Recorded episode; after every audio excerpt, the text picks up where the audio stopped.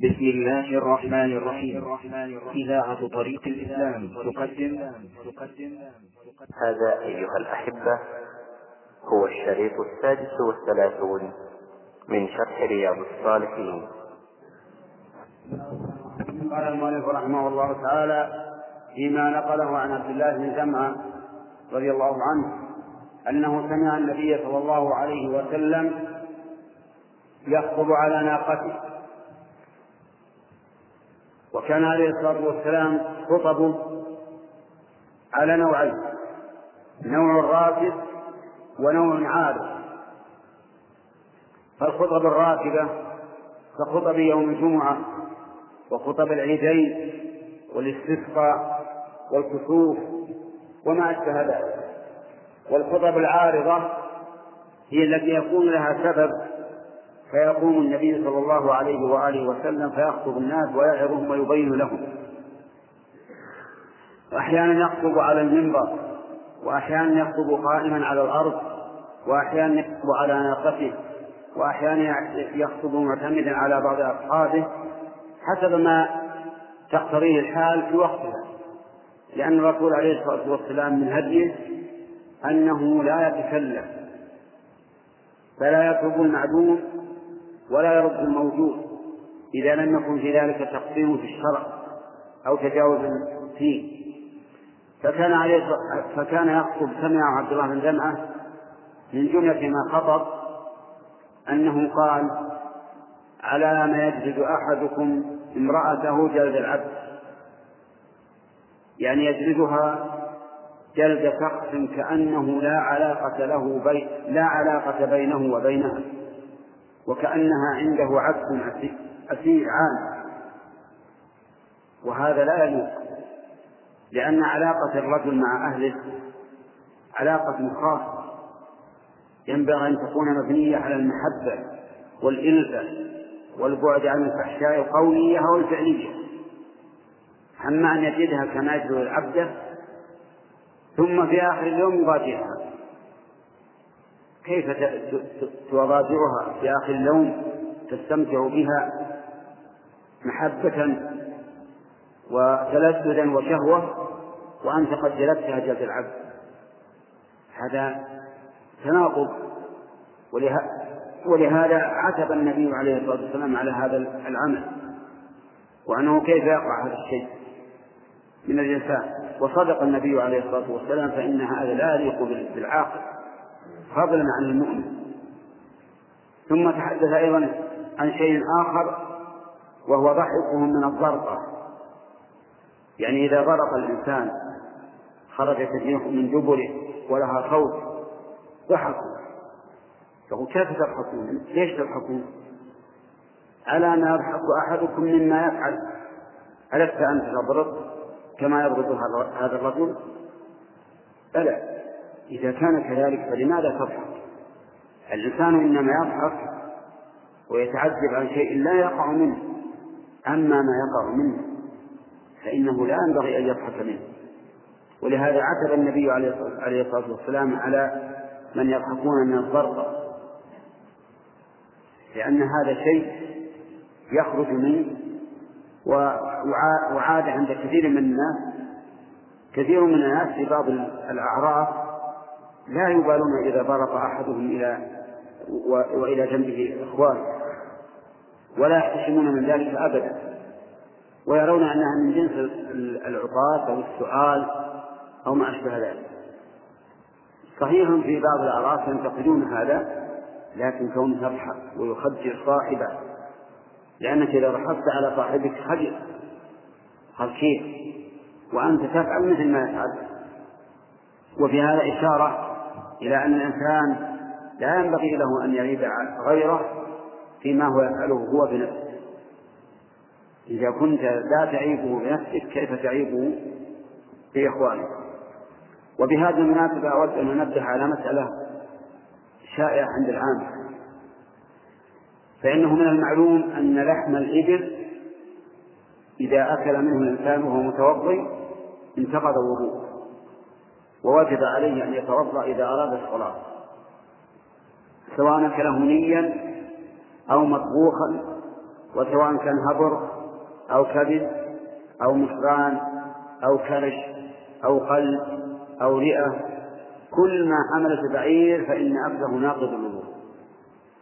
لأن النبي صلى الله عليه وآله وسلم لم يستثني شيئا.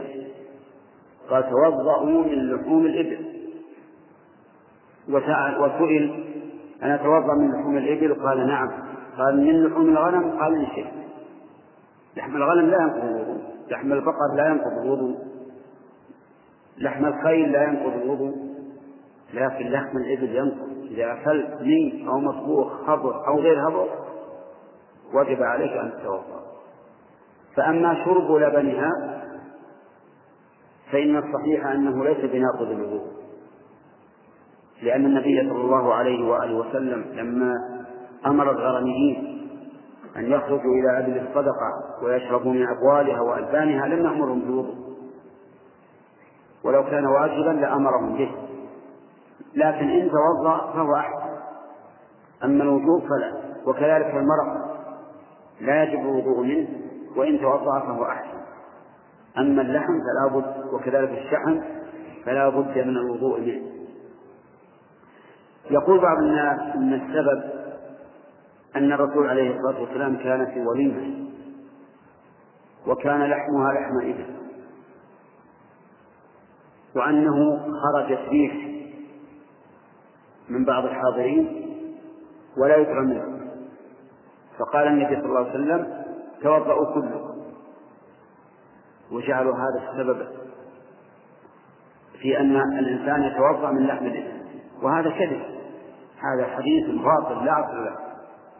وإنما أمر الرسول عليه الصلاة والسلام بالوضوء من لحم الإبل لحكمة الله يعلمها قد نعلمها نحن وقد لا نعلمها المهم نحن نقول سمعنا وأطعنا. أمرنا رسول الله صلى الله عليه وسلم أن نتوضأ من لحوم الإبل. إذا أكلنا منها فسمعا وطاعة. نقل المؤلف رحمه الله تعالى عن أبي هريرة رضي الله عنه قال قال رسول الله صلى الله عليه وسلم لا يفرك مؤمن مؤمنة إن كره منها خلقا رضي منها رضي منها آخر أو قال غيره. رواه مسلم. قال المؤلف فيما نقله عن أبي هريرة رضي الله عنه أن النبي صلى الله عليه وسلم قال لا يفرق مؤمن لا يفرق مؤمن مؤمنة. إن كره منها خلقا رضي منها خلقا آخر. الفرق يعني البغضاء والعداوة. يعني لا يعادي المؤمن المؤمنة كزوجته مثلا. لا يعاديها ويبغضها إذا رأى منها ما يكره من الأخلاق. وذلك لأن الإنسان يجب عليه القيام بالعدل وأن يراعي المعامل له بما تقتضيه حاله. والعدل أن يوازن بين السيئات والحسنات وينظر أيهما أكثر وأيهما أعظم وقعا فيغلب ما كان أكثر وما كان أشد تأثيرا. لأن هذا هو العدل يا أيها الذين آمنوا كونوا قوامين لله شهداء بالقسط ولا يجرمنكم شنآن قوم على أن لا تعدلوا. يعني لا يحملكم بغضهم على عدم العدل. اعدلوا ولو كنتم ولو كنتم تبغضونه ولو ولهذا لما بعث النبي عليه الصلاة والسلام عبد الله بن رواحة إلى أهل خيبر ليخلص عليهم ثمر النخل وكان النبي صلى الله عليه وآله وسلم قد عامل أهل خيبر حين فتحها على أن يكفوه المؤونة ويقومون بإصلاح النخيل والزرع ولهم النصف فكان يبعث عليهم من يخلص عليهم الثمرة فبعث عليهم عبد الله بن رواحة بعث إليهم عبد الله بن رواحة فجمعهم وقال لهم يا إخوان القردة والخنازير جئتكم من أحب الناس إلي وإنكم لأبغض إلي من مثل عدتكم من من القردة والخنازير ولا يحملني حبي إياه وبغضي إياكم على أن لا أعدل فيه. فقالوا بهذا قامت السماوات والأرض. فالشاهد أن الرسول عليه الصلاة والسلام أمر أن يكون الإنسان حاكما بالعدل بالقسط. فقال لا يفرح مؤمن مؤمنا يعني لا يبغضها لأخلاقها إن كره منها خلقا رضي منها خلقا آخر. افرض أن مثلا أساءت في إصلاح القهوة لكن أحسنت في إصلاح الغداء في إصلاح العشاء. أساءت في المنام ليلة لكن أحسنت ليالي. أساءت في معاملة الأولاد مرة لكن أحسنت كثيرا. وهكذا. فأنت إذا إذا أساءت إليك لا تنظر إلى الإساءة إلى الوقت الحاضر. انظر للماضي وانظر للمستقبل واحكم بالعدل. وهذا الذي وهذا الذي ذكره النبي صلى الله عليه وآله وسلم في المرأة يكون فيها في غيرها أيضا ممن يكون بينك وبينه معاملة أو صداقة أو ما أشبه ذلك. إذا أتى إليك يوم من الدهر لا تنسى إحسانه إليك. مرة أخرى. وقارن بين هذا وهذا. وإذا غلب الإحسان على الإساءة فالحكم للإحسان. وإن غلبت الإساءة على الإحسان فانظر إن كان أهلا للعفو. فاعف عنه ومن عفا وأصلح فأجره على الله. وإن لم يكن أهلا للعفو فخذ بحقك. أنت غير ملوم إذا أخذت بحقك. لكن انظر للمصلحة. فالحاصل أن الإنسان ينبغي له أن يعامل من بينه وبينه صلة من زوجية أو صداقة أو معاملة في بيع وشراء أو غيره. أن يعامله بالعدل. إذا كره منه خلقا أو أتى إليه في معاملة أن ننظر للجوانب الأخرى حتى يقارن بين هذا وهذا فإن هذا هو العدل الذي أمر الله به ورسوله. إن الله يأمر بالعدل والإحسان وإيتاء ذي القربى وينهى عن الفحشاء والمنكر والبغي.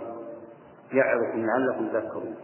اللهم صل نقل المؤلف رحمه الله تعالى عن عمرو بن الأحوص الجشمي رضي الله عنه أنه سمع النبي صلى الله عليه وسلم في حجة الوداع يقول بعد أن حمد الله تعالى وأثنى عليه وذكر ووعظ ثم قال ألا واستوصوا بالنساء خيرا فإنما هن عوان عندكم ليس تملكون منهن شيئا غير ذلك. ألا إلا أن يأتين بفاحشة مبينة. فإن فعلن فاهجروهن في المضاجع واضربوهن ضربا غير مبرح فإن أطعنكم فلا تبغوا عليهن سبيلا. ألا إن لكم على نسائكم حقا ولنسائكم عليكم حقا. فحقكم عليهن أن لا يوطئن فرشكم من تكرهون. ولا يأذن في بيوتكم لمن تكرهون. ألا وحقهن عليكم أن تحسنوا إليهن في كسوتهن وطعامهن. رواه الترمذي وقال حديث حسن صحيح. بسم الله الرحمن الرحيم. قال المؤلف رحمه الله فيما نقل عن عمرو بن الأحوص الجشمي رضي الله عنه أنه سمع النبي صلى الله عليه وسلم في خطبة الوداع يخطب. وكان ذلك في عرفة لأن النبي صلى الله عليه وسلم في حجة الوداع قدم مكة يوم الأحد الرابع من ذي الحجة وبقي فيها إلى يوم الخميس الثامن من ذي الحجة. وخرج ضحى يوم الخميس إلى منى فصلى بها الظهر والعصر والمغرب والعشاء والفجر. فلما طلعت الشمس سار إلى عرفة فنزل بنمرة وهي مكان معروف قبل عرفة وليست من عرفة. ثم زالت الشمس وحل وحلت صلاة الظهر فأمر أن ترحل له ناقة فرحلت له وركب حتى أتى بطن الوادي بطن عرنة وهو شعيب عظيم. يحج منى يحج عرفة من الناحية الغربية إلى الناحية الشمالية. فنزل ثم خطب الناس عليه الصلاة والسلام خطبة عظيمة بليغة. ثم قال فيها من جملة ما قال ما أوصى به أمته بالنسبة للنساء. قال استوصوا بالنساء خيرا.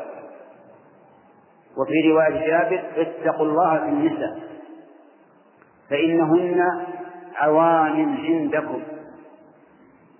العواني جمع عانية وهي الأسيرة. يعني أن الزوج عند زوجها بمنزلة الأسير عند من أسر لأنه يملكها. و... وإذا كان يملكها فهي كالأسير عنده. ثم بين عليه الصلاة والسلام أنه لا حق لنا أن نضربهن إلا إذا أتينا بفاحشة مبينة.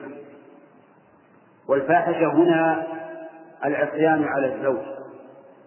بدليل قوله فإن أطعنكم فلا تبغوا عليهن سبيلا.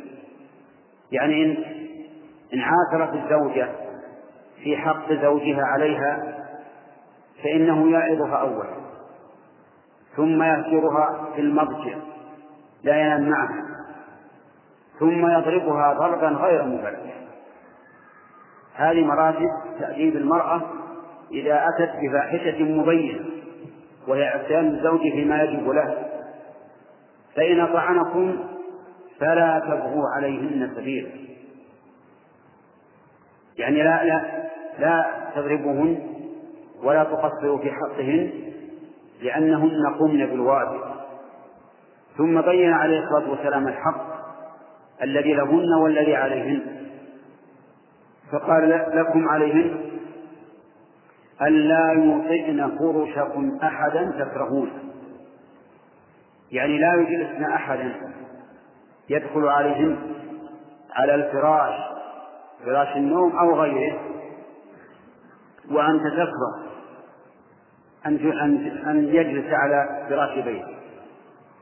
وكأن هذا والعلم عند الله كأنه ضرب مثل. والمعنى أن لا يكرمن أحدا تكرهونه لأن هذا من المضادة لكم أن يكرمن من تكرهونه بإجلاسه على الفرش أو تقديم الطعام له أو ما أشبه ذلك. وأن لا يأذن في بيوتكم لمن تكرهون. يعني لا يدخلن أحدا البيت وأنت تكره أن يدخل. حتى لو كانت أمها أو أباها فلا يحل لها أن تدخلها أن تدخل أمها أو أباها أو أختها أو أخاها أو عمها أو خالها أو عمتها أو خالتها إلى بيت زوجها إذا كان يكره ذلك. وإنما نبهت على هذا لأن بعض النساء والعياذ بالله شر شر حتى على بنتها. إذا رأت أن زوجها يغنيها أصابتها الغيرة والعياذ بالله وهي الأم. ثم حاولت أن تفسد بين البنت بنتها وزوجها. فهذه الأم للزوج أن يقول لزوجته لا تدخل البيت. له أن يمنعها شرعا. وله أن يمنع ابنته أن يمنع زوجته من الذهاب إليها. لأنها تفسده نمامة وقد قال النبي عليه الصلاة والسلام لا يدخل الجنة قتال أي نمام. ولهن عليكم رزقهن وكسوتهن بالمعروف. فالزوج هو الذي ينفق على زوجته حتى ولو كانت غنية لو كانت موظفة فليس له حق في وظيفتها ولا في راتبها. ليس له قرش واحد كله لها وتلزمه بأن ينفق عليها. إذا قال كيف أنفق عليك وأنت غنية؟ أنت لك راتب تقول نعم. أنفق عليك ويلزم بالإنفاق عليها. فإن أبى فللحاكم القاضي أن يفتح النكاح. أصل على الزوج. وذلك لأنه يلزم بنفقتها. هذه الخطبة العظيمة خطبة حجة الوداع. خطبة قرر فيها النبي عليه الصلاة والسلام شيئا كثيرا من أصول الدين ومن الحقوق.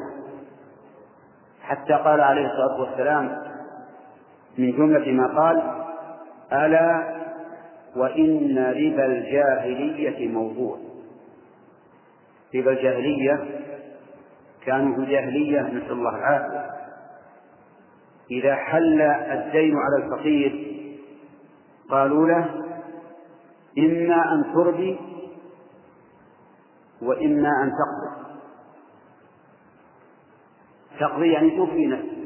تربي يعني نزيد عليك الدين. حتى يصبح أضعافا مضاعفة فقال عليه الصلاة والسلام في حجة الوداع قال حاكما ومشرعا إن ربا الجاهلية موضوع تحت قدمي هاتين.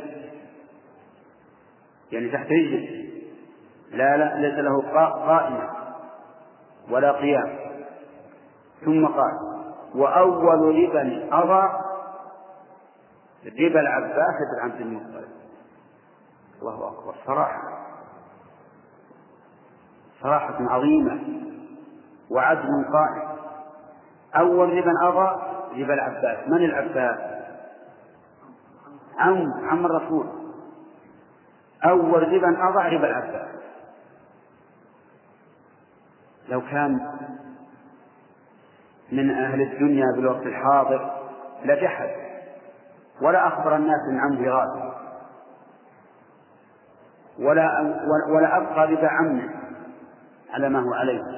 لكن الرسول صلى الله عليه وسلم الذي هو غاية الخلق في العدل يقول أول ربا أضع ربا العباس عن المطلب فإنه موضوع كله كل ربا العباس. موضوع ملغى. لا يوفيه من لا من عليه الربا. ليس للعباس إلا رأس ماله فقط. وهذا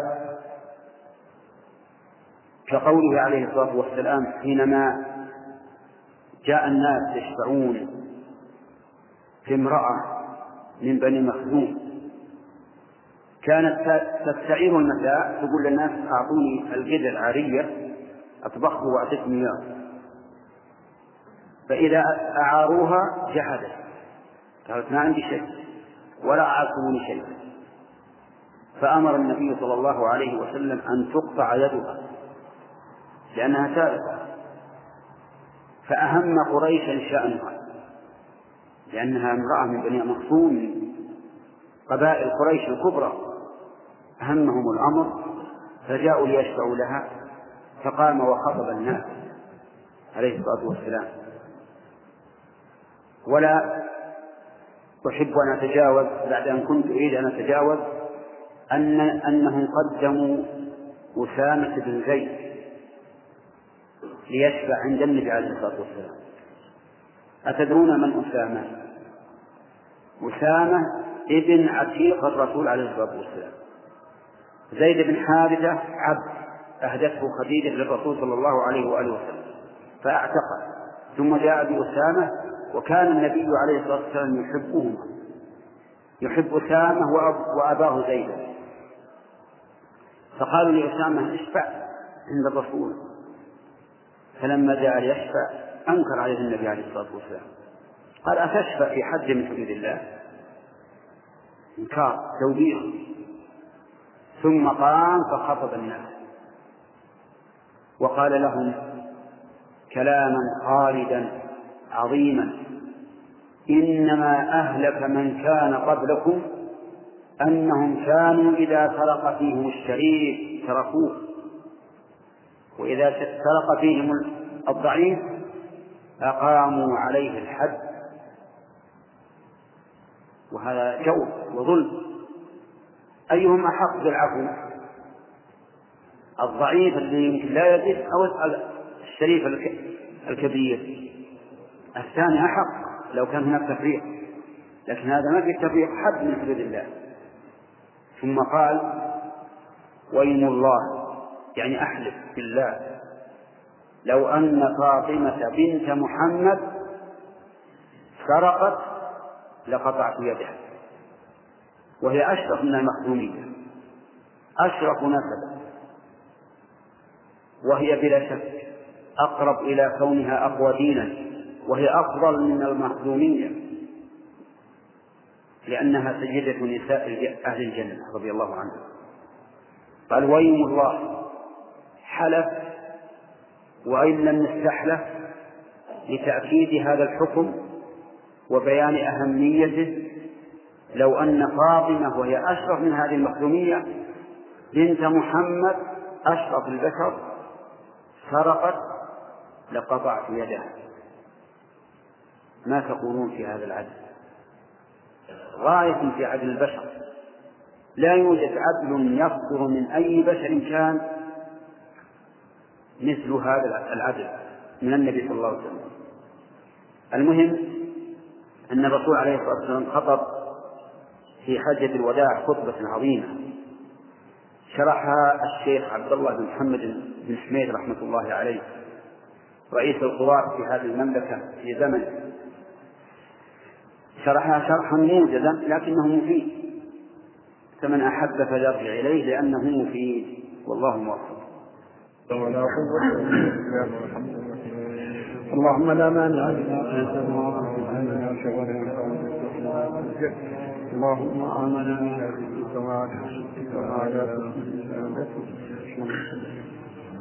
بسم الله الرحمن الرحيم. الحمد لله رب العالمين والصلاة والسلام على نبينا محمد وعلى آله وصحبه أجمعين. نقل المؤلف رحمه الله تعالى عن معاوية بن حيدة رضي عن معاوية بن حيدة رضي الله عنه قال قلت يا رسول الله ما حق زوجة أحدنا عليه؟ قال أن تطعمها إذا طعمت وتكسوها إذا اكتسيت ولا تضرب الوجه ولا تقبح ولا تهجر إلا في البيت. حديث حسن رواه أبو داود وقال معنى لا تقبح لا تقل قبحك الله. وعن أبي هريرة رضي الله عنه قال قال رسول الله صلى الله عليه وسلم أكمل المؤمنين إيمانا أحسنهم خلقا وخياركم خياركم لنسائهم. رواه الترمذي وقال حديث حسن صحيح. بسم الله الرحمن الرحيم. قال المؤلف رحمه الله فيما نقل عن معاوية عن معاوية بن حيدة رضي الله عنه أنه سأل النبي صلى الله عليه وسلم ما حق امرأة أحدنا عليه والصحابة رضي الله عنهم إذا سألوا النبي صلى الله عليه وآله وسلم فإنما يسألون ليعملوا لا ليعلموا فقط. خلافا لما عليه كثير من الناس اليوم. يسأل ليعلم ثم لا يعمل إلا قليلا. وذلك أن الإنسان إذا علم من شريعة الله ما علم كان حجة له أو عليه. إن عمل به فهو حجة له يوم القيامة. وإن لم يعمل به كان حجة عليه يؤاخذ به. وما أكثر ما يسألون النبي صلى الله عليه وآله وسلم عن مسائل دينه. ففي القرآن مسائل كثيرة. يسألونك ماذا ينفقون يسألونك ويسألونك عن اليتامى ويسألونك عن المحيض يسألونك عن الأهلة. كلها أسئلة يريد بها الصحابة رضي الله عنهم أن يعلموا فيها حكم الله ثم يطبقوه في أنفسهم وفي أهليهم فسأله معاوية ما حق امرأة أحدنا عليه؟ قال أن تكسوها إذا اكتسيت وتطعمها إذا طعمت يعني لا تخص نفسك بالكسوة دونها ولا بالطعام دونها بل هي شريكة لك. يجب عليك أن تنفق عليها كما تنفق على نفسك. حتى إن كثيرا من العلماء يقول إذا لم ينفق الرجل على زوجته فطالبت بالفسخ عند القاضي فللقاضي أن يفسخ النكاح لأنه قصر بحقها الواجب لها. قال ولا تضرب الوجه ولا تقبح. لا تضرب لا تضربها مع الوجه. ولا مع غيره إلا لسبب. وقد سبق لنا أمس أن الإنسان إذا رأى من امرأته نشوزا وترفعا عليه وأنها لا تقوم بحقه وعظها أولا. ثم هجرها في المضجع ثم ضربها ضربا غير مبرح وإذا حق له أن يضربها لوجود السبب فإنه لا يضرب الوجه. وكذلك غير الزوجة لا تضربه مع الوجه. ابنك إذا أخطأ لا تضربه مع الوجه. لأن لأن الوجه أشرف ما في الإنسان. وهو واجهة البدن كله. فإذا ضربته كان أذل للإنسان مما لو ضربت غير وجهه. يعني اضرب الرجل مع كتفه مع عضده مع ظهره. لا يرى أنه, أنه استذل كما لو ضربته مع وجهه. ولهذا نهي عن الضرب مع الوجه وعن تقبيح الوجه. قول لا تقبح يعني لا تقل أنت قبيحة أو قبح الله وجهك. ويشمل النهي عن التقبيح النهي عن التقبيح الحسي والمعنوي فلا يقبحها مثل يقول أنت من قبيلة رديئة أنت وش أنت؟ أنت وش أهل؟ وما أشبه ذلك. كل هذا من التقبيح الذي نهى الله عنه. قال ولا تهجر إلا في البيت. يعني إذا وجد سبب الهجر فلا تهجرها علنا وتظهر للناس أنك هجرتها. ولكن اهجرها في البيت لأنه ربما تهجرها اليوم وتتصالح معها في الغد فتكون حالكما مستورة. لكن إذا ظهرت حالكما للناس قلت والله أنا دعنا إلى أم عيالي هاجر ليومين ثلاثة شهر كان هذا خطأ. اهجرها في البيت ولا يطلع على هجرك أحد حتى إذا اصطلحت معها وإذا كل شيء على ما يرام دون أن يطلع عليه أحد من الناس. أما الحديث الثاني حديث أبي هريرة رضي الله عنه فإنه حديث عظيم.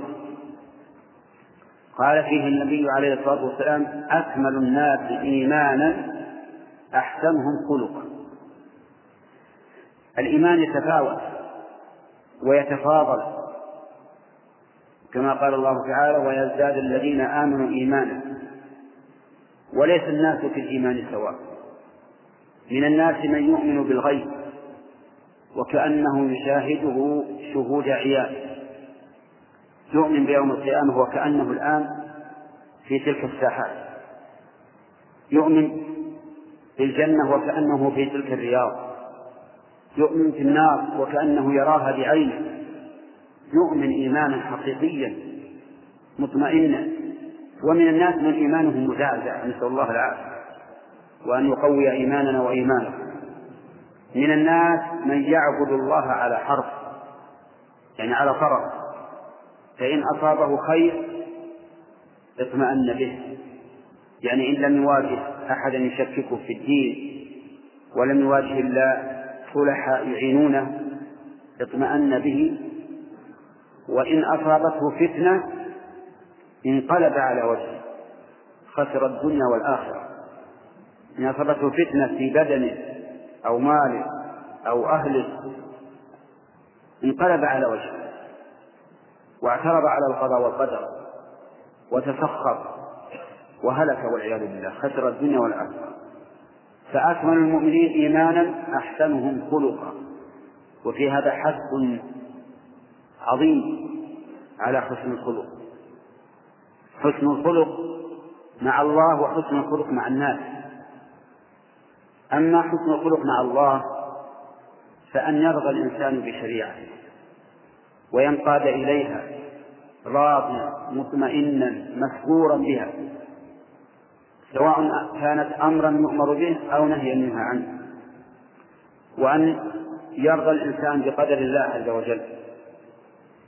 ويكون ما قدر الله عليه مما يسوءه كالذي قدر الله عليه مما يسره. فيقول يا رب كل شيء من عندك فأنا راض بك رب ربا. إن أعطيتني ما يسرني شكرت وإن أصابني ما يسوءني صبرت. فيرضى بالله قضاء وقدرا وأمرا وشرعا. هذا حسن الخلق مع الله. أما مع الناس فظاهر. كف الأذى وبذل الندى والصبر على عليه وعلى أداه هذا هو حسن الخلق مع الناس أن تعاملهم بهذه المعاملة. تكف أذاك عنهم وتبذل نداء الندى يعني العطاء سواء كان مالا أو جاها أو غير ذلك. وكذلك تصبر على البلاء منهم فإذا كنت كذلك كنت أكمل الناس إيمانا. ثم قال وخيركم خيركم لأهله. قال النبي عليه الصلاة والسلام خيركم خيركم لأهله وأنا خيركم لأهله. هذا خير الناس خيرهم لأهله. لأنه إذا كان فيك خير خلوا مع عند أقرب الناس لك عكس ما يفعله بعض الناس اليوم. تجده سيء الخلق مع أهله حسن الخلق مع غيره. وهذا خطأ. أهلك أحق بإحسان الخلق. أحسن الخلق معهم لأنهم هم الذين معك ليلا ونهارا سرا وعلانية. إن أصابك شيء يصيب معك وإن سررت سروا معك وإن حزنت حزنوا معك. فلتكن معاملتك معهم خيرا من معاملتك مع الأجانب. فخير الناس خيرهم لأهله أسأل الله تعالى أن يكمل لي ولكم الإيمان وأن يجعلنا خير عباد الله في أهلينا ومن له حق علينا.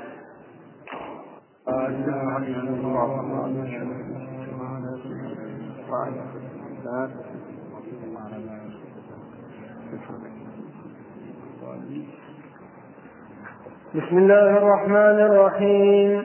الحمد لله رب العالمين والصلاة والسلام على نبينا محمد وعلى آله وصحبه أجمعين. نقل المؤلف رحمه الله تعالى عن إياس بن عبد الله بن أبي ذباب رضي الله عنه قال قال رسول الله صلى الله عليه وسلم لا تضربوا إماء الله فجاء عمر رضي الله عنه إلى رسول الله صلى الله عليه وسلم فقال زئرن النساء على أزواجهن فرخص في ضربهن فأطاف بآل رسول الله صلى الله عليه وسلم نساء كثير يشكون أزواجهن. فقال رسول الله صلى الله عليه وسلم ولقد أطاف بآل بيت محمد نساء يشكون أزواجهن. ليس أولئك بخياركم. رواه أبو داود بإسناد صحيح. وعن عبد الله بن عمرو بن العاص رضي الله عنهما أن رسول الله صلى الله عليه وسلم قال الدنيا متاع وخير متاعها المرأة الصالحة. الدنيا متاع وعن عبد الله بن عبد العاص رضي الله عنهما أن رسول الله صلى الله عليه وسلم قال الدنيا متاع وخير متاعها المرأة الصالحة رواه مسلم. بسم الله الرحمن الرحيم. قال رحمه الله تعالى فيما نقله فيما يتعلق بأمر النساء. أن النبي صلى الله عليه وسلم قال لا تضربوا إماء الله. يريد بذلك النساء. فيقال أمة الله كما يقال عبد الله. ويقال إماء الله كما يقال عباد الله. ومن ذلك الحديث الصحيح لا تمنعوا إماء الله مساجد الله. نهاهم عن ضرب النساء فكفوا عن ذلك لأن الصحابة رضي الله عنهم من الطراز الأول والجيل المفضل الذين إذا دعوا إلى الله ورسوله قالوا سمعنا وأطعنا. فكفوا عن ضرب النساء. والنساء قاصرات عقل وناقصات دين. ناقصات عقل ودين. اجترأن على أزواجهن. كما قال عمر بن الخطاب. يا رسول الله إن النساء جئرن على أزواجهن يعني اجترأن وتعالين على الرجال. فجاء الرجال فلما رأى النبي صلى الله عليه وآله وسلم ما قال عمر لما سمع ما قال عمر نهى عن آه، أجاز أجاز ضربهن. فأفرط الرجال في ذلك. وجعلوا يضربونهن. حتى وإن لم يكن ذلك من حقهم. فطافت النساء بآل النبي صلى الله عليه وسلم. أي ببيوته وجعلنا يتجمعن حول بيوت الرسول عليه الصلاة والسلام. يشكون أزواجهم أزواجهن. فقال النبي صلى الله عليه وسلم يخاطب الناس يخبرهم أن هؤلاء الذين يضربون أزواجهم ليسوا بخيارهم. ليسوا بخيار بخيارهم أي ليسوا بخيار الرجال. وهذا كقوله خيركم خيركم لأهله. فدل هذا على أن الإنسان لا يفرط ولا يفرط في ضرب أهله إن وجد سبب يقتضي الضرب فلا بأس.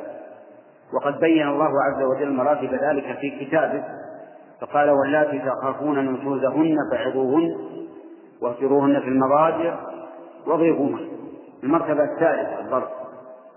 وإذا ضربهن فليضربهن ضربا غير مبرر.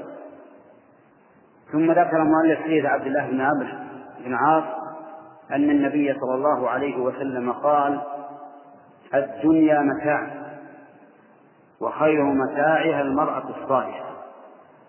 الدنيا متاع يعني شيء يتمتع به كما يتمتع المسافر بزاده ثم تنتهي. وخير متاعها المرأة الصالحة. إذا وفق الله الإنسان امرأة صالحة في دينها وعقلها فهذا خير متاع الدنيا لأنها تحفظه في سره وماله وولده وإذا كانت صالحة في العقل أيضا فإنها تدبر له التدبير الحسن في بيته وفي تربية أولاده. إن نظر إليها سرته وإن غاب عنها حفظته وإن وكل إليها أولادها لم تكن. فهذه المرأة هي خير متاع الدنيا. ولهذا قال النبي عليه الصلاة والسلام تنكح المرأة بأربع بمالها وحسبها وجمالها ودينها فاظفر بذات الدين تربت يداك يعني عليك بها. فإنها خير من يتزوجه الإنسان. فذات الدين وإن كانت غير جميلة الصورة لكن يجملها خلقها ودينها فاظفر بذات الدين تربت يداك والله موفق.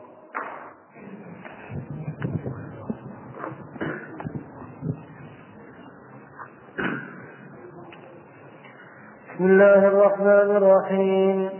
الحمد لله رب العالمين والصلاة والسلام على نبينا محمد وعلى آله وصحبه أجمعين نقل.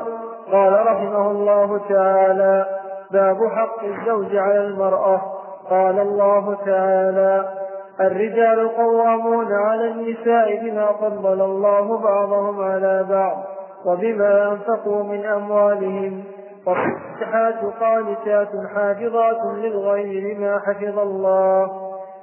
وأما الأحاديث فعن أبي هريرة رضي الله عنه قال قال رسول الله صلى الله عليه وسلم إذا دعا الرجل امرأته إلى فراشه فلم تأته فبات غضبان عليها لعنتها الملائكة حتى تصبح متفق عليه. وفي رواية لهما إذا باتت المرأة هاجرة فراش زوجها لعنتها الملائكة حتى تصبح. وفي رواية قال رسول الله صلى الله عليه وسلم والذي نفسي بيده ما من رجل يدعو امرأته إلى فراشه فتأبى عليه إلا كان الذي في السماء ساخطا عليها حتى يرضى عنها. بسم الله الرحمن الرحيم. قال المؤلف رحمه الله تعالى باب حق الزوج على المرأة. لما ذكر رحمه الله حقوق الزوجة على زوجها ذكر حقوق الزوج على زوجه ثم استدل بقول الله تعالى الرجال قوامون على النساء بما فضل الله بعضهم على بعض وبما أنفقوا من أموالهم. فالصالحات قانتات حافظات للغيب بما حفظ الله. قوله تعالى الرجال قوامون على النساء يعني أنه هو القيم الذي له الأمر على المرأة يدبرها ويوجهها ويأمرها فتطيع إلا إذا أمرها بمعصية الله فلا سمع له ولا طاعة.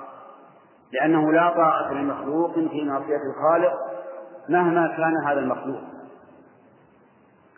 ثم بين الله تعالى سبب هذه القوامة والولاية التي جعلها الله فقال بما فضل الله بعضهم على بعض حيث فضل الرجل على المرأة في العقل والدين والحزم والقدرة والقوة وغير ذلك.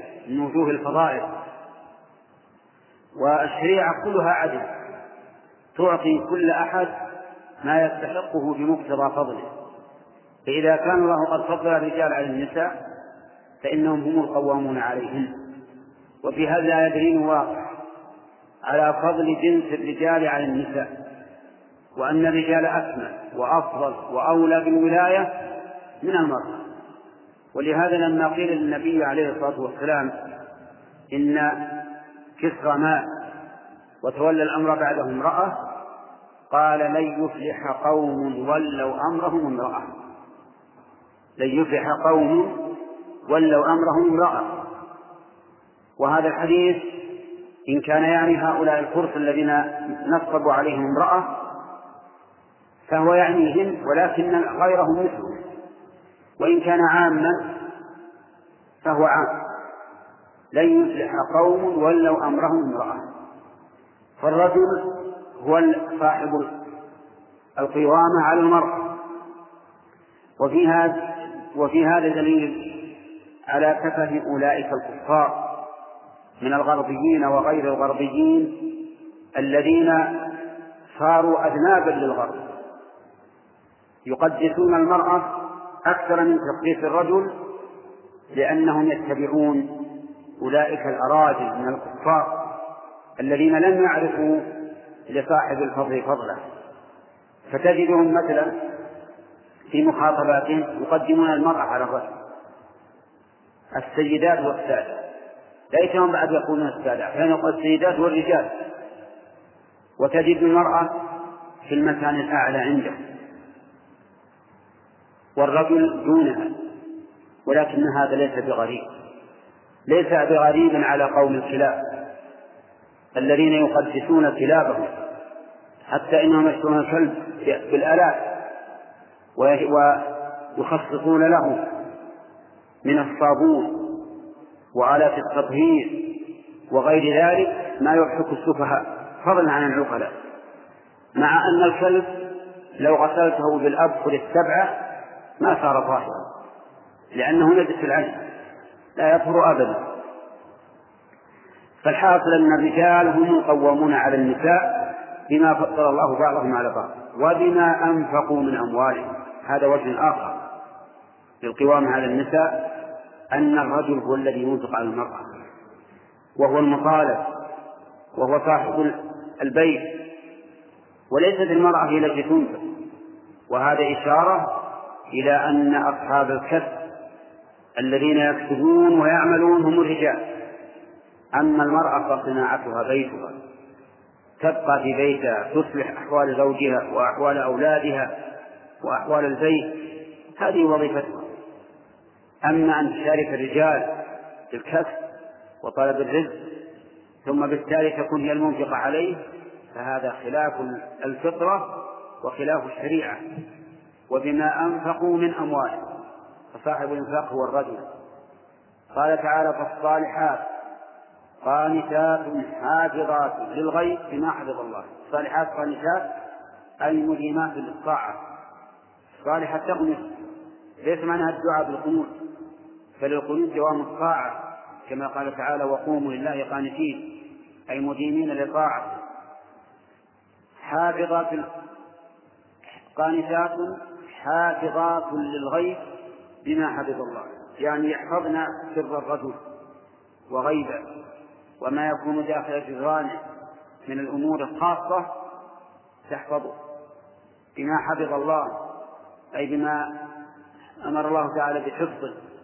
فهذه الصالحة فعليك بالمرأة الصالحة فإنها خير لك من امرأة جميلة ليست صالحة والله موفق. المؤلف رحمه الله تعالى عن أبي هريرة رضي الله عنه قال قال رسول الله صلى الله عليه وسلم إذا دعا الرجل امرأته إلى فراشه فلم تأته فبات غضبان عليها لعنتها الملائكة حتى تصبح متفق عليه. وفي رواية لهما إذا باتت المرأة هاجرة فراش زوجها لعنتها الملائكة حتى تصبح. وفي رواية قال رسول الله صلى الله عليه وسلم والذي نفسي بيده ما من رجل يدعو امرأته إلى فراشه فتأبى عليه إلا كان الذي في السماء ساخطا عليها حتى يرضى عنها.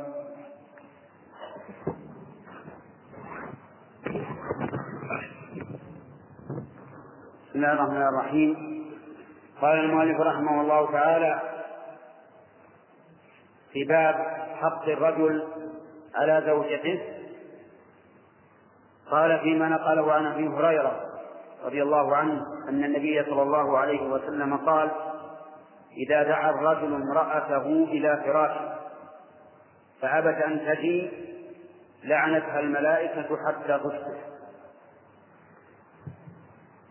ولام الملائكة يعني أنها تدعو على هذه المرأة باللعنة واللعنة هي الطرد والإبعاد عن رحمة الله. فإذا دعاها إلى فراشه ليستمتع بها بما أذن الله له فيه فأبت أن تجد فإنها تلعنها الملائكة والعياذ بالله تدعو عليها باللعنة إلى أن تصبح واللفظ الثاني أنها إذا هاجرت فراش زوجها فإن الله تعالى يغضب عليها حتى يرضى عنها الزوج.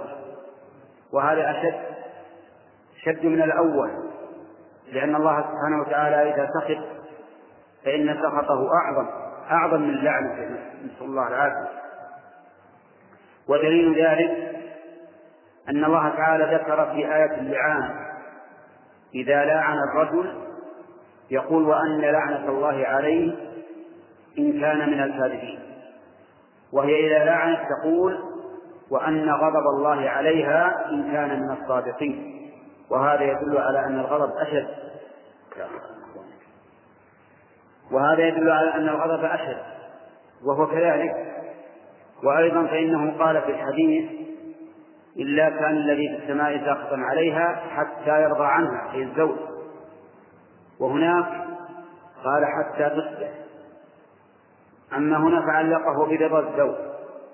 وهذا قد يكون أقل وقد يكون أكثر. يعني ربما يرضى الزوج عنها قبل طلوع الفجر وربما لا يرضى إلا بعد يوم أو يومين.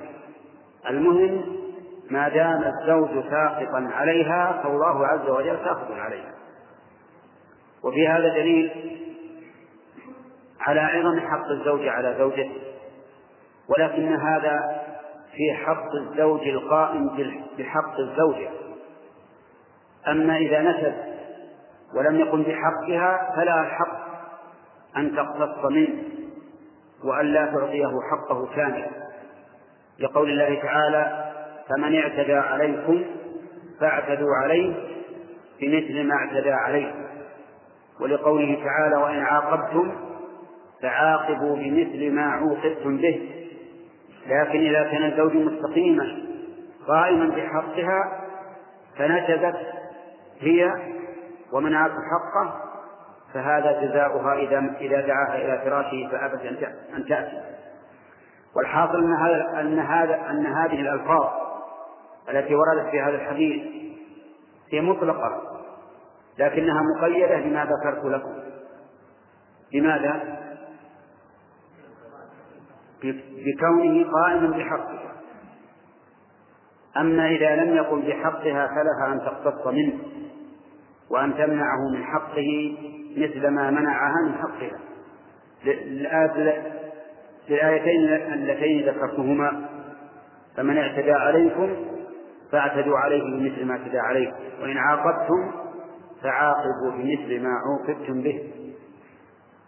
وفي هذا الحديث دليل صريح لما ذهب إليه أهل السنة والجماعة وسلف الأمة من أن الله عز وجل في السماء هو نفسه جل وعلا فوق عرشه فوق سبع سماوات. وليس وليس المراد بقوله في السماء أي ملكه في السماء بل هذا تحريف للكلمة عن مواضعه. وتحريف الكلمة عن مواضعه من صنيع اليهود والعياذ بالله الذين حرفوا التوراة عن مواضعها عما أراد الله بها فإن ملك الله سبحانه وتعالى في السماء وفي الأرض. ولله ملك السماوات والأرض. قل من بيده ملكوت السماوات والأرض. ولله مقاليد السماوات مقاليد السماوات والأرض. كل السماوات والأرض كلها بيد الله عز وجل كلها ملك الله. ولكن المراد أنه هو نفسه عز وجل فوق السماوات على العرش استوى. ولذلك نجد أن المسألة فطرية لا تحتاج إلى دراسة وتعب حتى يقر الإنسان بأن الله في السماء. بمجرد الفطرة بمجرد الفطرة يرفع الإنسان يديه إلى ربه إذا دعا. إذا دعا قال يا ربي أين يتجه القلب؟ ها؟ إلى السماء واليد ترفع إلى السماء بل حتى البهائم ترفع إلى السماء حدثني أحد الأساتذة في الجامعة عندنا عن شخص زهم عليه من القاهرة إبان الزلزلة التي أصابت مصر يقول إنه قبل الزلزلة بدقائق هاج الحيوانات في مقر الحيوانات يسمونها حديقة الحيوانات. هاجت هاجت هيجان عظيم. ثم بدأت ترفع رأسها إلى السماء. سبحان الله. بهائم تعرف أن الله في السماء. وأوادم من بني آدم ينكرون أن الله في السماء والعياذ بالله. فالبهائم تدري وتعرف نحن نشاهد بعض الحشرات إذا طردتها أو آليتها وقفت ثم رفع ثم رفعت قوائمها إلى السماء. يشاهدها مشاهد فهذا يدل على أن كون الله عز وجل في السماء أمر فطري لا يحتاج إلى دليل أو تعب أو عنف. حتى الذين ينكرون أن الله في السماء نسأل الله لنا ولهم الهداية. لو جاءوا يدعون لو جاءوا يدعون أين يرفعون أيديهم؟ إلى السماء فسبحان الله أفعالهم تكذب عقيدتهم هذه العقيدة الباطلة الفاسدة التي يخشى عليهم من الكفر بها إذا إذا اعتقدوا هذا أين الله إذا كان ليس في السماء؟ جارية أمة مملوكة في عهد النبي عليه الصلاة والسلام أراد سيدها أن يعتقها فقال له النبي عليه الصلاة والسلام هات. فجاءت الجارية. جارية ما تعلمت ولا تعرف. قال لها أين الله؟ قالت الله في السماء. قال من أنا؟ قالت أنت رسول الله. قال لسيدها أعتقها فإنها مؤمنة. سبحان الله. هؤلاء الذين يعتقدون أن الله لا السماء يقول من قال الله السماء فهو كافر أعوذ بالله. أين الله؟ وين وين تجعلون؟ في الأرض؟ ما يجعلون في الأرض في السماء لا أين هو؟ على زعمهم لا شيء نسأل الله لنا ولهم الهداية المهم أن من عقيدتنا التي ندين الله بها أن الله عز وجل فوق كل شيء وهو القاهر فوق عباده وأنه على العرش استوى وأن العرش على السماوات مثل مثل مثل القبة. كأنه قبة مضروبة أي خيمة مضروبة على السماوات والأرض. والسماوات والأرض بالنسبة للعرش ليست بشيء. جاء في بعض الآثار أن السماوات السبع والأرضين السبع بالنسبة للكرسي كحلقة ألقيت في ثلاث من الأرض. حلقة الدرع حلقة ضيقة ما يدخل فيها المساحة إذا ألقيت في ثلاث من الأرض ماذا تشغل من مساحة هذه الثلاث؟ نعم؟ لا شيء لا شيء. قال وإن فضل العرش على الكرسي كفضل الفلاة على هذه الحلقة. إذا الله أكبر. يكون أضعاف أضعاف فهو على محيط بكل شيء. كالقبة على السماوات والأرض. ولهذا قال الله عز وجل وسع كرسيه السماوات والأرض. يعني أحاط بها. فما بالك بالرب عز وجل؟ فالرب عز وجل فوق كل شيء. هذه عقيدتنا التي نسأل الله تعالى أن نموت عليها ويبعث عليها. هذه العقيدة التي يعتقدها أهل السنة والجماعة في الاتفاق. والله موفق. لا حول ولا قوة إلا بالله. ولا ينفع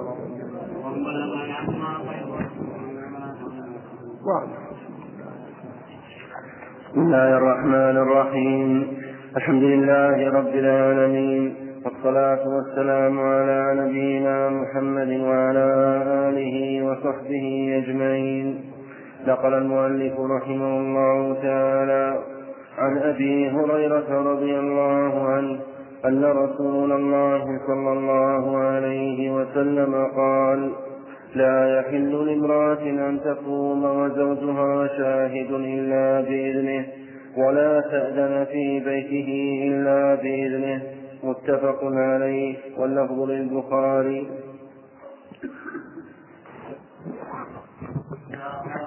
قال المؤلف رحمه الله تعالى فيما نقله عن أبي هريرة رضي الله عنه أن النبي صلى الله عليه وسلم قال لا يحل لامرأة أن تقوم وزوجها شاهد إلا باذنه ولا تأذن في بيته إلا بإذنه.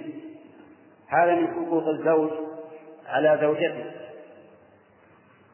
أنه لا يحل لها أن تصوم إلا بإذنه. ما دام حاضرا في البلد. أما إذا كان غائبا فلها أن تصوم ما شاء. لكن إذا كان في البلد فلا تصوم وظاهر الحديث أنها لا تصوم فرضا ولا نفلا إلا بإذنه. أما النفل فواضح أنها لا تصوم إلا بإذنه لأن حق الزوج عليها واجب. والنفل تطوع. النفل لا تأثم بتركه وحق الزوج تأثم بتركه وذلك أن الزوج ربما يحتاج إلى أن يستمتع بها. فإذا فإذا كانت صائمة وأراد الاستمتاع بها صار في نفسه حرج. وإلا فله أن يستمتع بها ويجامعها وهي صائمة صوم تطوع إذا لم يأذن فيه من قبل ولو أفسد صومه. ولا ولا إثم عليه. لكن من المعلوم أنه سيكون في نفسه حرج. لهذا قال لا يحل قال النبي صلى الله عليه وسلم لا يحل لامرأة أن تصوم وزوجها شاهد إلا بإذن أما صيام الفرض فإن كان قد بقي من من السنة مدة أكثر مما يجب عليه فلا يحل لها أن تصوم إلا بإذن زوجها إذا كان شاهد. يعني مثلا عليها عشرة أيام من رمضان وهي الآن في رجب وقالت أريد أن أصوم القضاء. نقول لا تصومين القضاء إلا بإذن الزوج لأن معك سعة وقوات. أما إذا بقي من شعبان عشرة أيام فلها أن تصوم وإن لم يأذن. لأنه لا يحل للإنسان الذي عليه قضاء من رمضان أن يؤخره إلى رمضان الثاني. وحينئذ تكون فاعلة لشيء واجب فرض في الدين وهذا لا يشترط فيه إذن الزوج ولا غيره. فصار صوم المرأة فيه تفصيل. أما التطوع فلا يجوز إلا بإذن الزوج. وأما الفرض فإن كان الوقت متسعا فإنه لا يجوز إلا بإذن الزوج. وإن كان لا يسع إلا مقدار ما عليها من الصوم فإنه لا يشترط إذن الزوج. هذا إذا كان حاضرا. أما إذا كان غائبا فلها أن تكون. وهل مثل ذلك الصلاة؟ يحتمل أن تكون الصلاة مثل الصوم أنها لا تتطوع بالصلاة إلا بإذنه. ويحتمل أن لا تكون مثل الصوم لأن وقت الصلاة قصير بخلاف الصوم صوم كل النهار.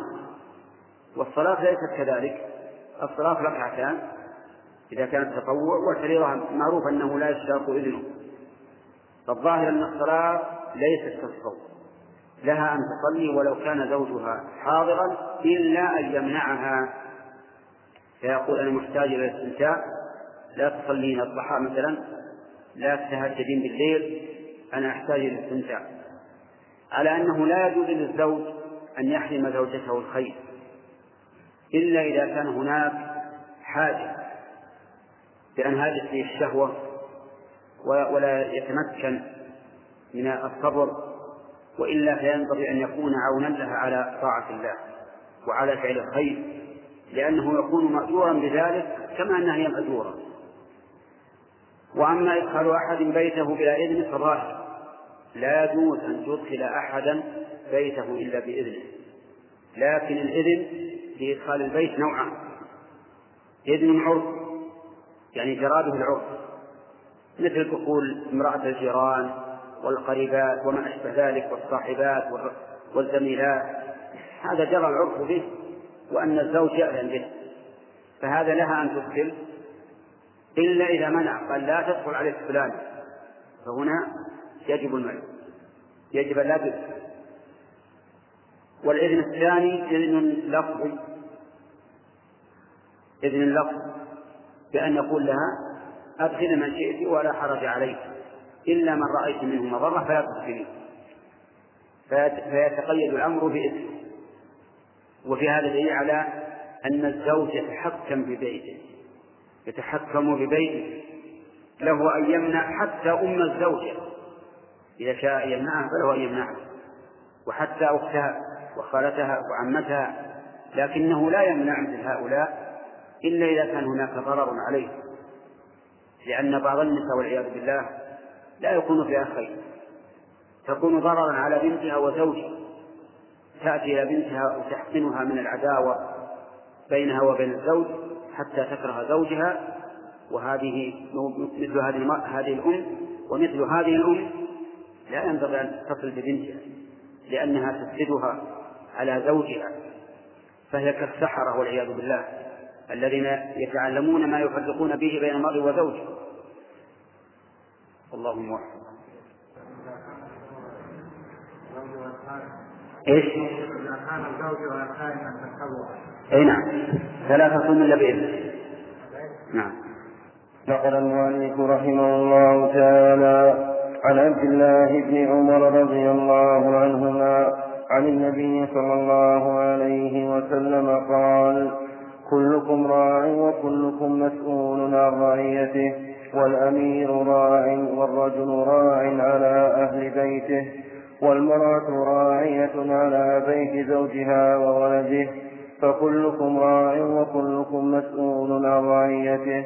متفق عليه.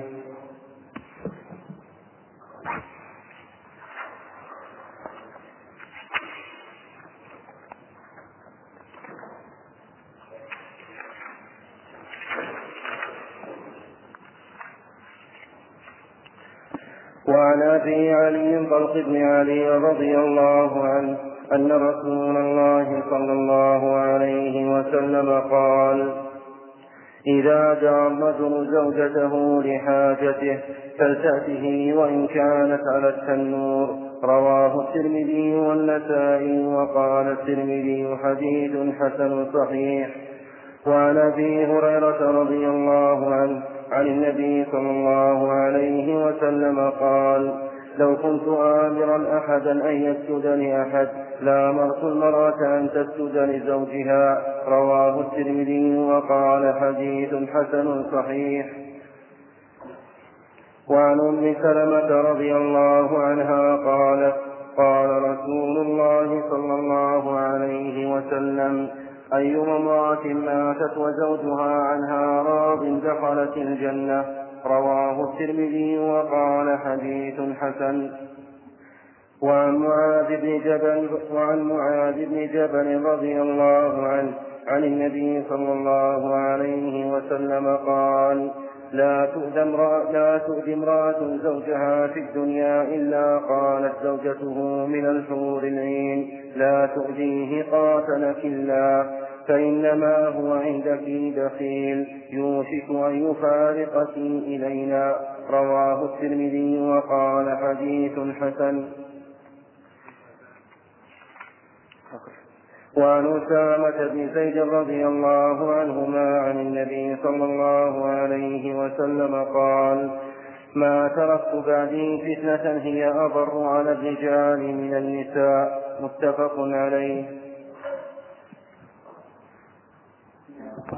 قال المؤلف رحمه الله تعالى فيما نقله عن عبد الله بن عمر رضي الله عنهما. أن النبي صلى الله عليه وسلم قال كلكم راع وكلكم مسؤول عن رعيته. الخطاب للأمة جميعا يبين فيه الرسول عليه الصلاة والسلام أن أن كل إنسان راع ومسؤول عن رعيته. والراعي هو الذي يقوم على الشيء ويرعى مصالحه فيهيئها له ويرعى ويرعى مفاسده فيجنبه إياها. كراعي الغنم راعي الغنم ينظر ويبحث عن المكان المربع حتى يحوش الغنم إليه وينظر في المكان المجدد فلا يرعاها في هذا المكان. هكذا بنو آدم كل راع وكل مسؤول عن رعيته. فالأمير راع ومسؤول عن رعيته. والأمراء يختلفون في نفوذهم وفي مناطق أعمالهم. قد يكون هذا الأمير أميرا على قرية صغيرة فتكون مسؤوليته صغيرة. وقد يكون أميرا على مدينة كبيرة فتكون مسؤوليته كبيرة. وقد يكون مسؤولا عن أمة كالأمير الذي ليس فوقه أمير في منطقته كالملك مثلا هنا وكالرؤساء في البلاد الأخرى وكأمراء المؤمنين في عهد أبي عمر بن الخطاب وعثمان بن عفان وعلي بن أبي طالب وكالخلفاء في زمن ابن أمية وابن العباس وغيرهم. المهم أن الرعاة تتنوع رعيتهم أو تتنوع رعايتهم ما بين مسؤولية كبيرة واسعة ومسؤولية صغيرة. ولهذا قال الأمير راع يعني ومسؤول عن رعيته. الرجل راع لكن رعيته محصورة. راع في أهل بيته. في زوجته في في ابنه في بنته في أخته في عمته في خالته كل من في بيته. وراع في أهل بيته ومسؤول عن رعيته. يجب عليه أن يرعاهم بأحسن رعاية لأنه مسؤول عنه. كذلك المرأة راعية في بيت زوجها وولدها ومسؤولة عن رعيتها. يجب عليها أن تنصح في البيت في الطبخ في القهوة في الشاهي في الفرش. لا تطبخ أكثر من اللازم ولا تسوي الشاهي أكثر من ما يحتاج إليه وكذلك القهوة. يجب عليها أن تكون امرأة مقتصدة فإن الاقتصاد نصف المعيشة. غير مفرقة فيما ينبغي. مسؤولة أيضا عن أولادها في إصلاحهم وإصلاح أحوالهم وشؤونهم كإلباسهم الثياب الثياب غير النظيفة وفرش الفرش لهم تغطيتهم في الشتاء وهكذا. مسؤولة عن كل هذا. مسؤولة عن الطبخ وإحسانه ونضجه وهكذا. مسؤولة عن كل ما في البيت. كذلك العبد مسؤول راع في مال سيده ومسؤول عن رعيته. يجب عليه أن يحفظ مال سيده وأن يتصرف فيه بما هو أحسن وأن لا يفرط فيه وأن لا يتعدى الحدود. وهكذا فكلكم راع وكلكم مسؤول عن رعيته. أما بقية الأحاديث التي ساقها المؤلف رحمه الله تعالى ما عدا الأخير منها فكلها أحاديث تحتاج إلى نظر في صحتها. لكن مجمل ما, تدل عليه عظم حق الزوجة حق الزوج على زوجته وأن حق الزوج الزوج على زوجته عظيم. يجب عليها أن تقوم به كما يجب عليه أن يقوم بحقها. قال الله تعالى ولهن مثل الذي عليهن بالمعروف. أما الحديث الأخير فسنعيده غدا إن شاء الله تعالى ونتكلم عليه. والله موفق. بسم الله الرحمن الرحيم. الحمد لله رب العالمين. والصلاة والسلام على نبينا محمد وعلى آله وصحبه أجمعين. نقل المؤلف رحمه الله تعالى عن أسامة بن زيد رضي الله عنهما عن النبي صلى الله عليه وسلم قال ما تركت بعدي فتنة هي أضر على الرجال من النساء. متفق عليه.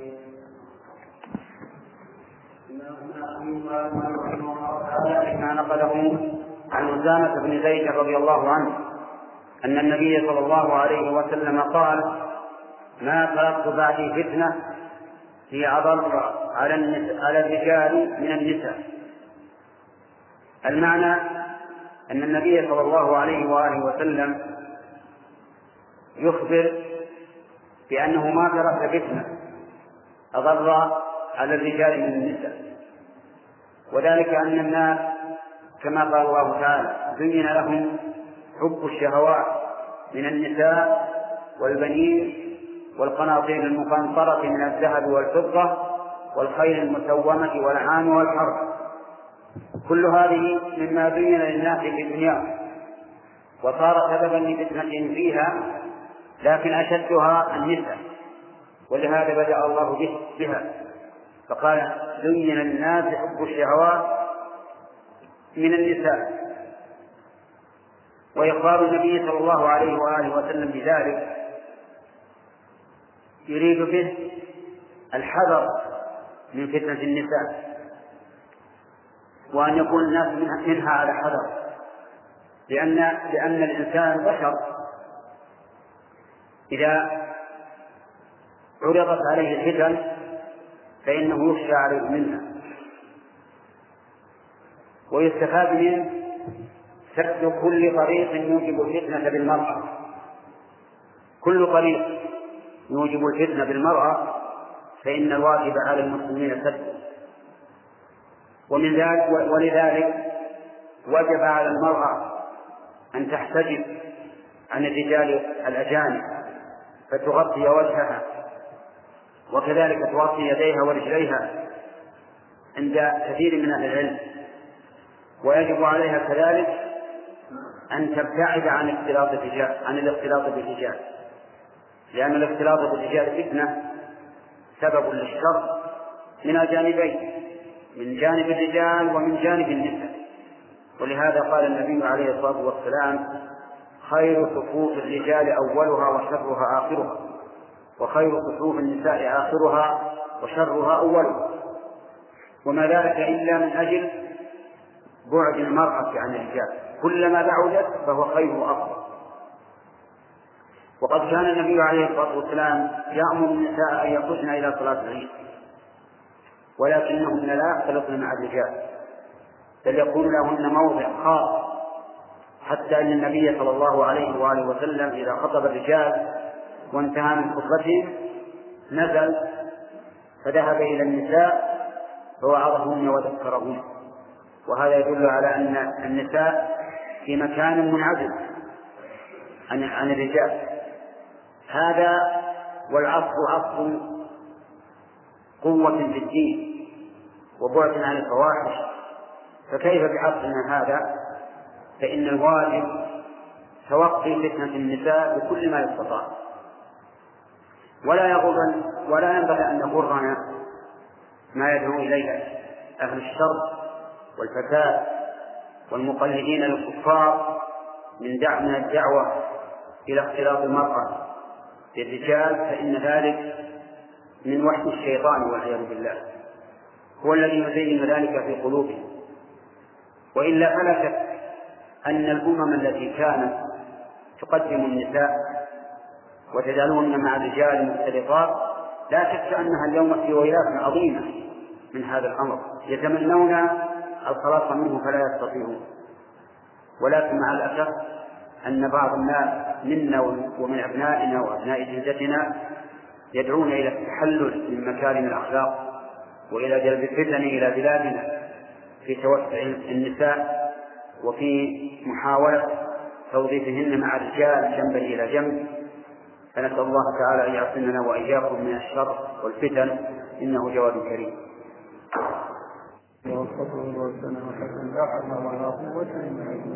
لا إله محمد.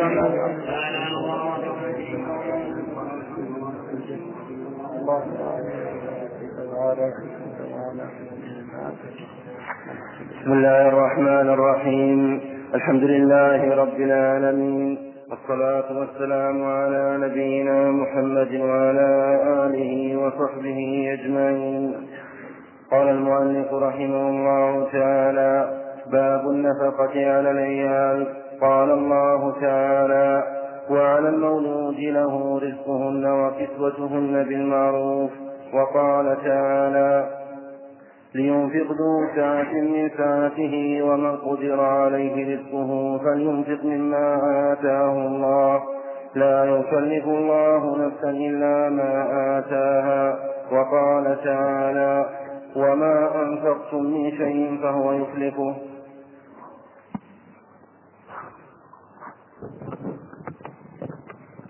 بسم الله الرحمن الرحيم. قال المؤلف رحمه الله تعالى باب النفقة على العيال.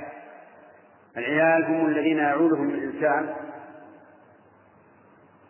من نفقة من زوجة أو قريب أو مملوك. وقد سبق الكلام على حقوق الزوجة أما الأقارب فلهم حق. قال الله تعالى واعبدوا الله ولا تشركوا به شيئا وبالوالدين إحسانا وبذي القربى فالقريب له حق أن تنفق عليه يعني أن تبذل له من الطعام والشراب والكسوة والسكنى ما يقوم بكفاية. كما قال تعالى وعلى المولود له رزقهن وكسوتهن بالمعروف. المولود له هو الأب عليه أن ينفق على أولاده وعلى زوجاته وعلى أم وعلى من أرضعت ولده ولو كانت في غير حبال لأنه قال على المولود له رزقهن وكسوتهن بالمعروف من أجل من أجل الإرضاع.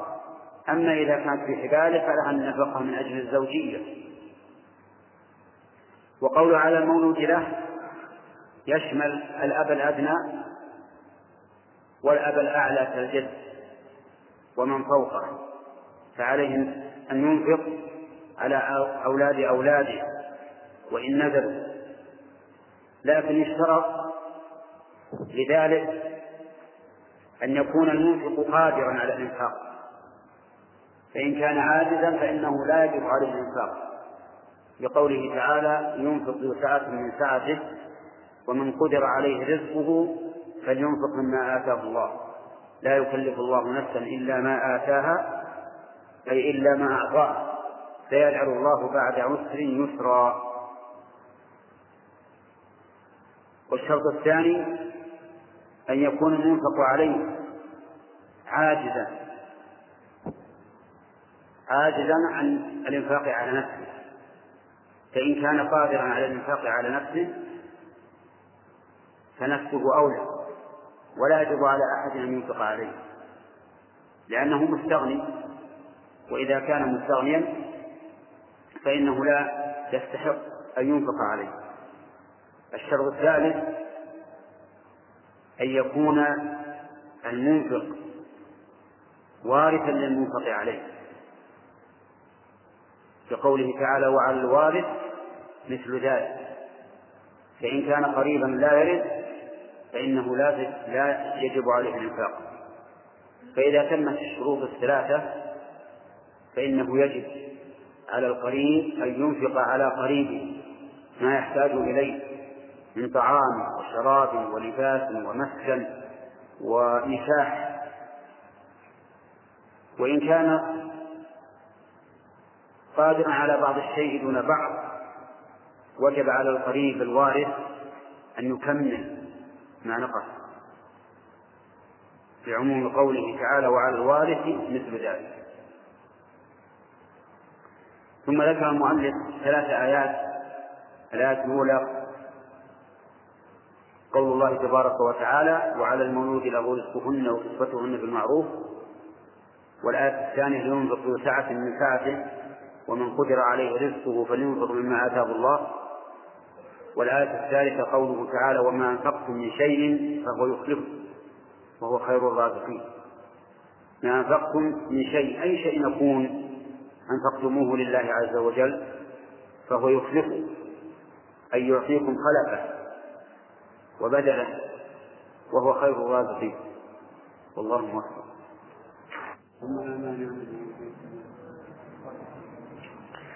بسم الله الرحمن الرحيم. الحمد لله رب العالمين والصلاة والسلام على نبينا محمد وعلى آله وصحبه أجمعين. نقل المؤلف رحمه الله تعالى عن أبي هريرة رضي الله عنه قال قال رسول الله صلى الله عليه وسلم دينار أنفقته في سبيل الله ودينار أنفقته في رقبة ودينار تصدقت به على مسكين ودينار أنفقته على أهلك أعظمها أجرا الذي أنفقته على أهلك. رواه مسلم. وعن أبي عبد الله ويقال له أبي عبد الرحمن ثوبان مولى رسول الله صلى الله عليه وسلم قال قال رسول الله صلى الله عليه وسلم أفضل دينار ينفقه الرجل دينار ينفقه على عياله ودينار ودينار ينفقه على دابة على دابة في سبيل الله ودينار ينفقه على أصحابه في سبيل الله. رواه مسلم. وعن أم سلمة رضي الله عنها قالت قلت يا رسول الله هل لي في بني أبي سلمة أجر أن أنفق عليهم ولست بتاركتهم هكذا ولا هكذا. إنما هم بني. فقال نعم لك أجر ما أنفقت عليهم. متفق عليه.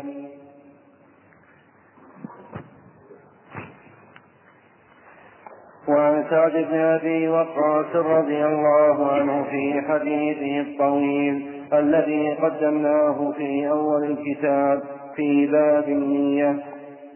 أن رسول الله صلى الله عليه وسلم قال له وإنك لن تنفق نفقة تبتغي بها وجه الله إلا أجرت بها حتى ما تجعل في إمراتك. متفق عليه. وعن أبي مسعود البدري رضي الله عنه عن النبي صلى الله عليه وسلم قال إذا أنفق الرجل على أهله نفقة يحتسبها فهي له صدقة.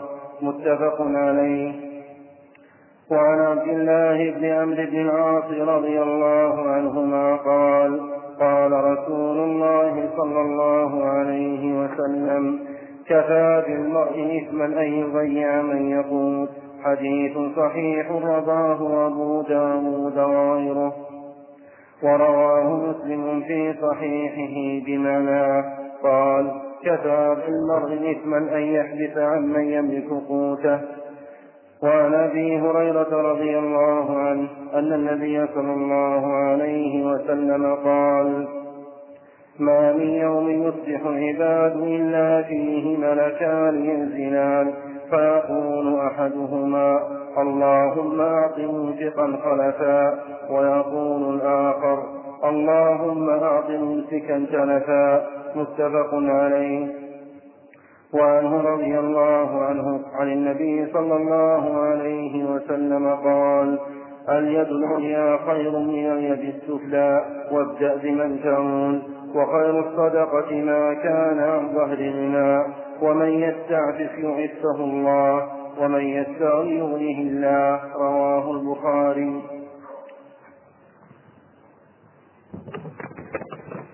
بسم الله الرحمن الرحيم. هذه الأحاديث التي ذكرها المؤلف في باب النفقة على الأهل كلها تدل على فضيلة الإنفاق على الأهل وأنه أفضل من الإنفاق في سبيل الله وأفضل من الإنفاق في الرقاب وأفضل من الإنفاق على المساكين.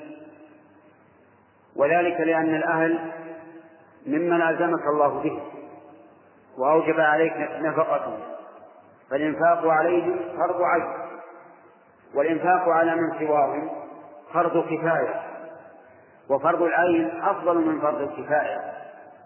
وقد يكون الإنفاق على من سواهم على وجه التطوع.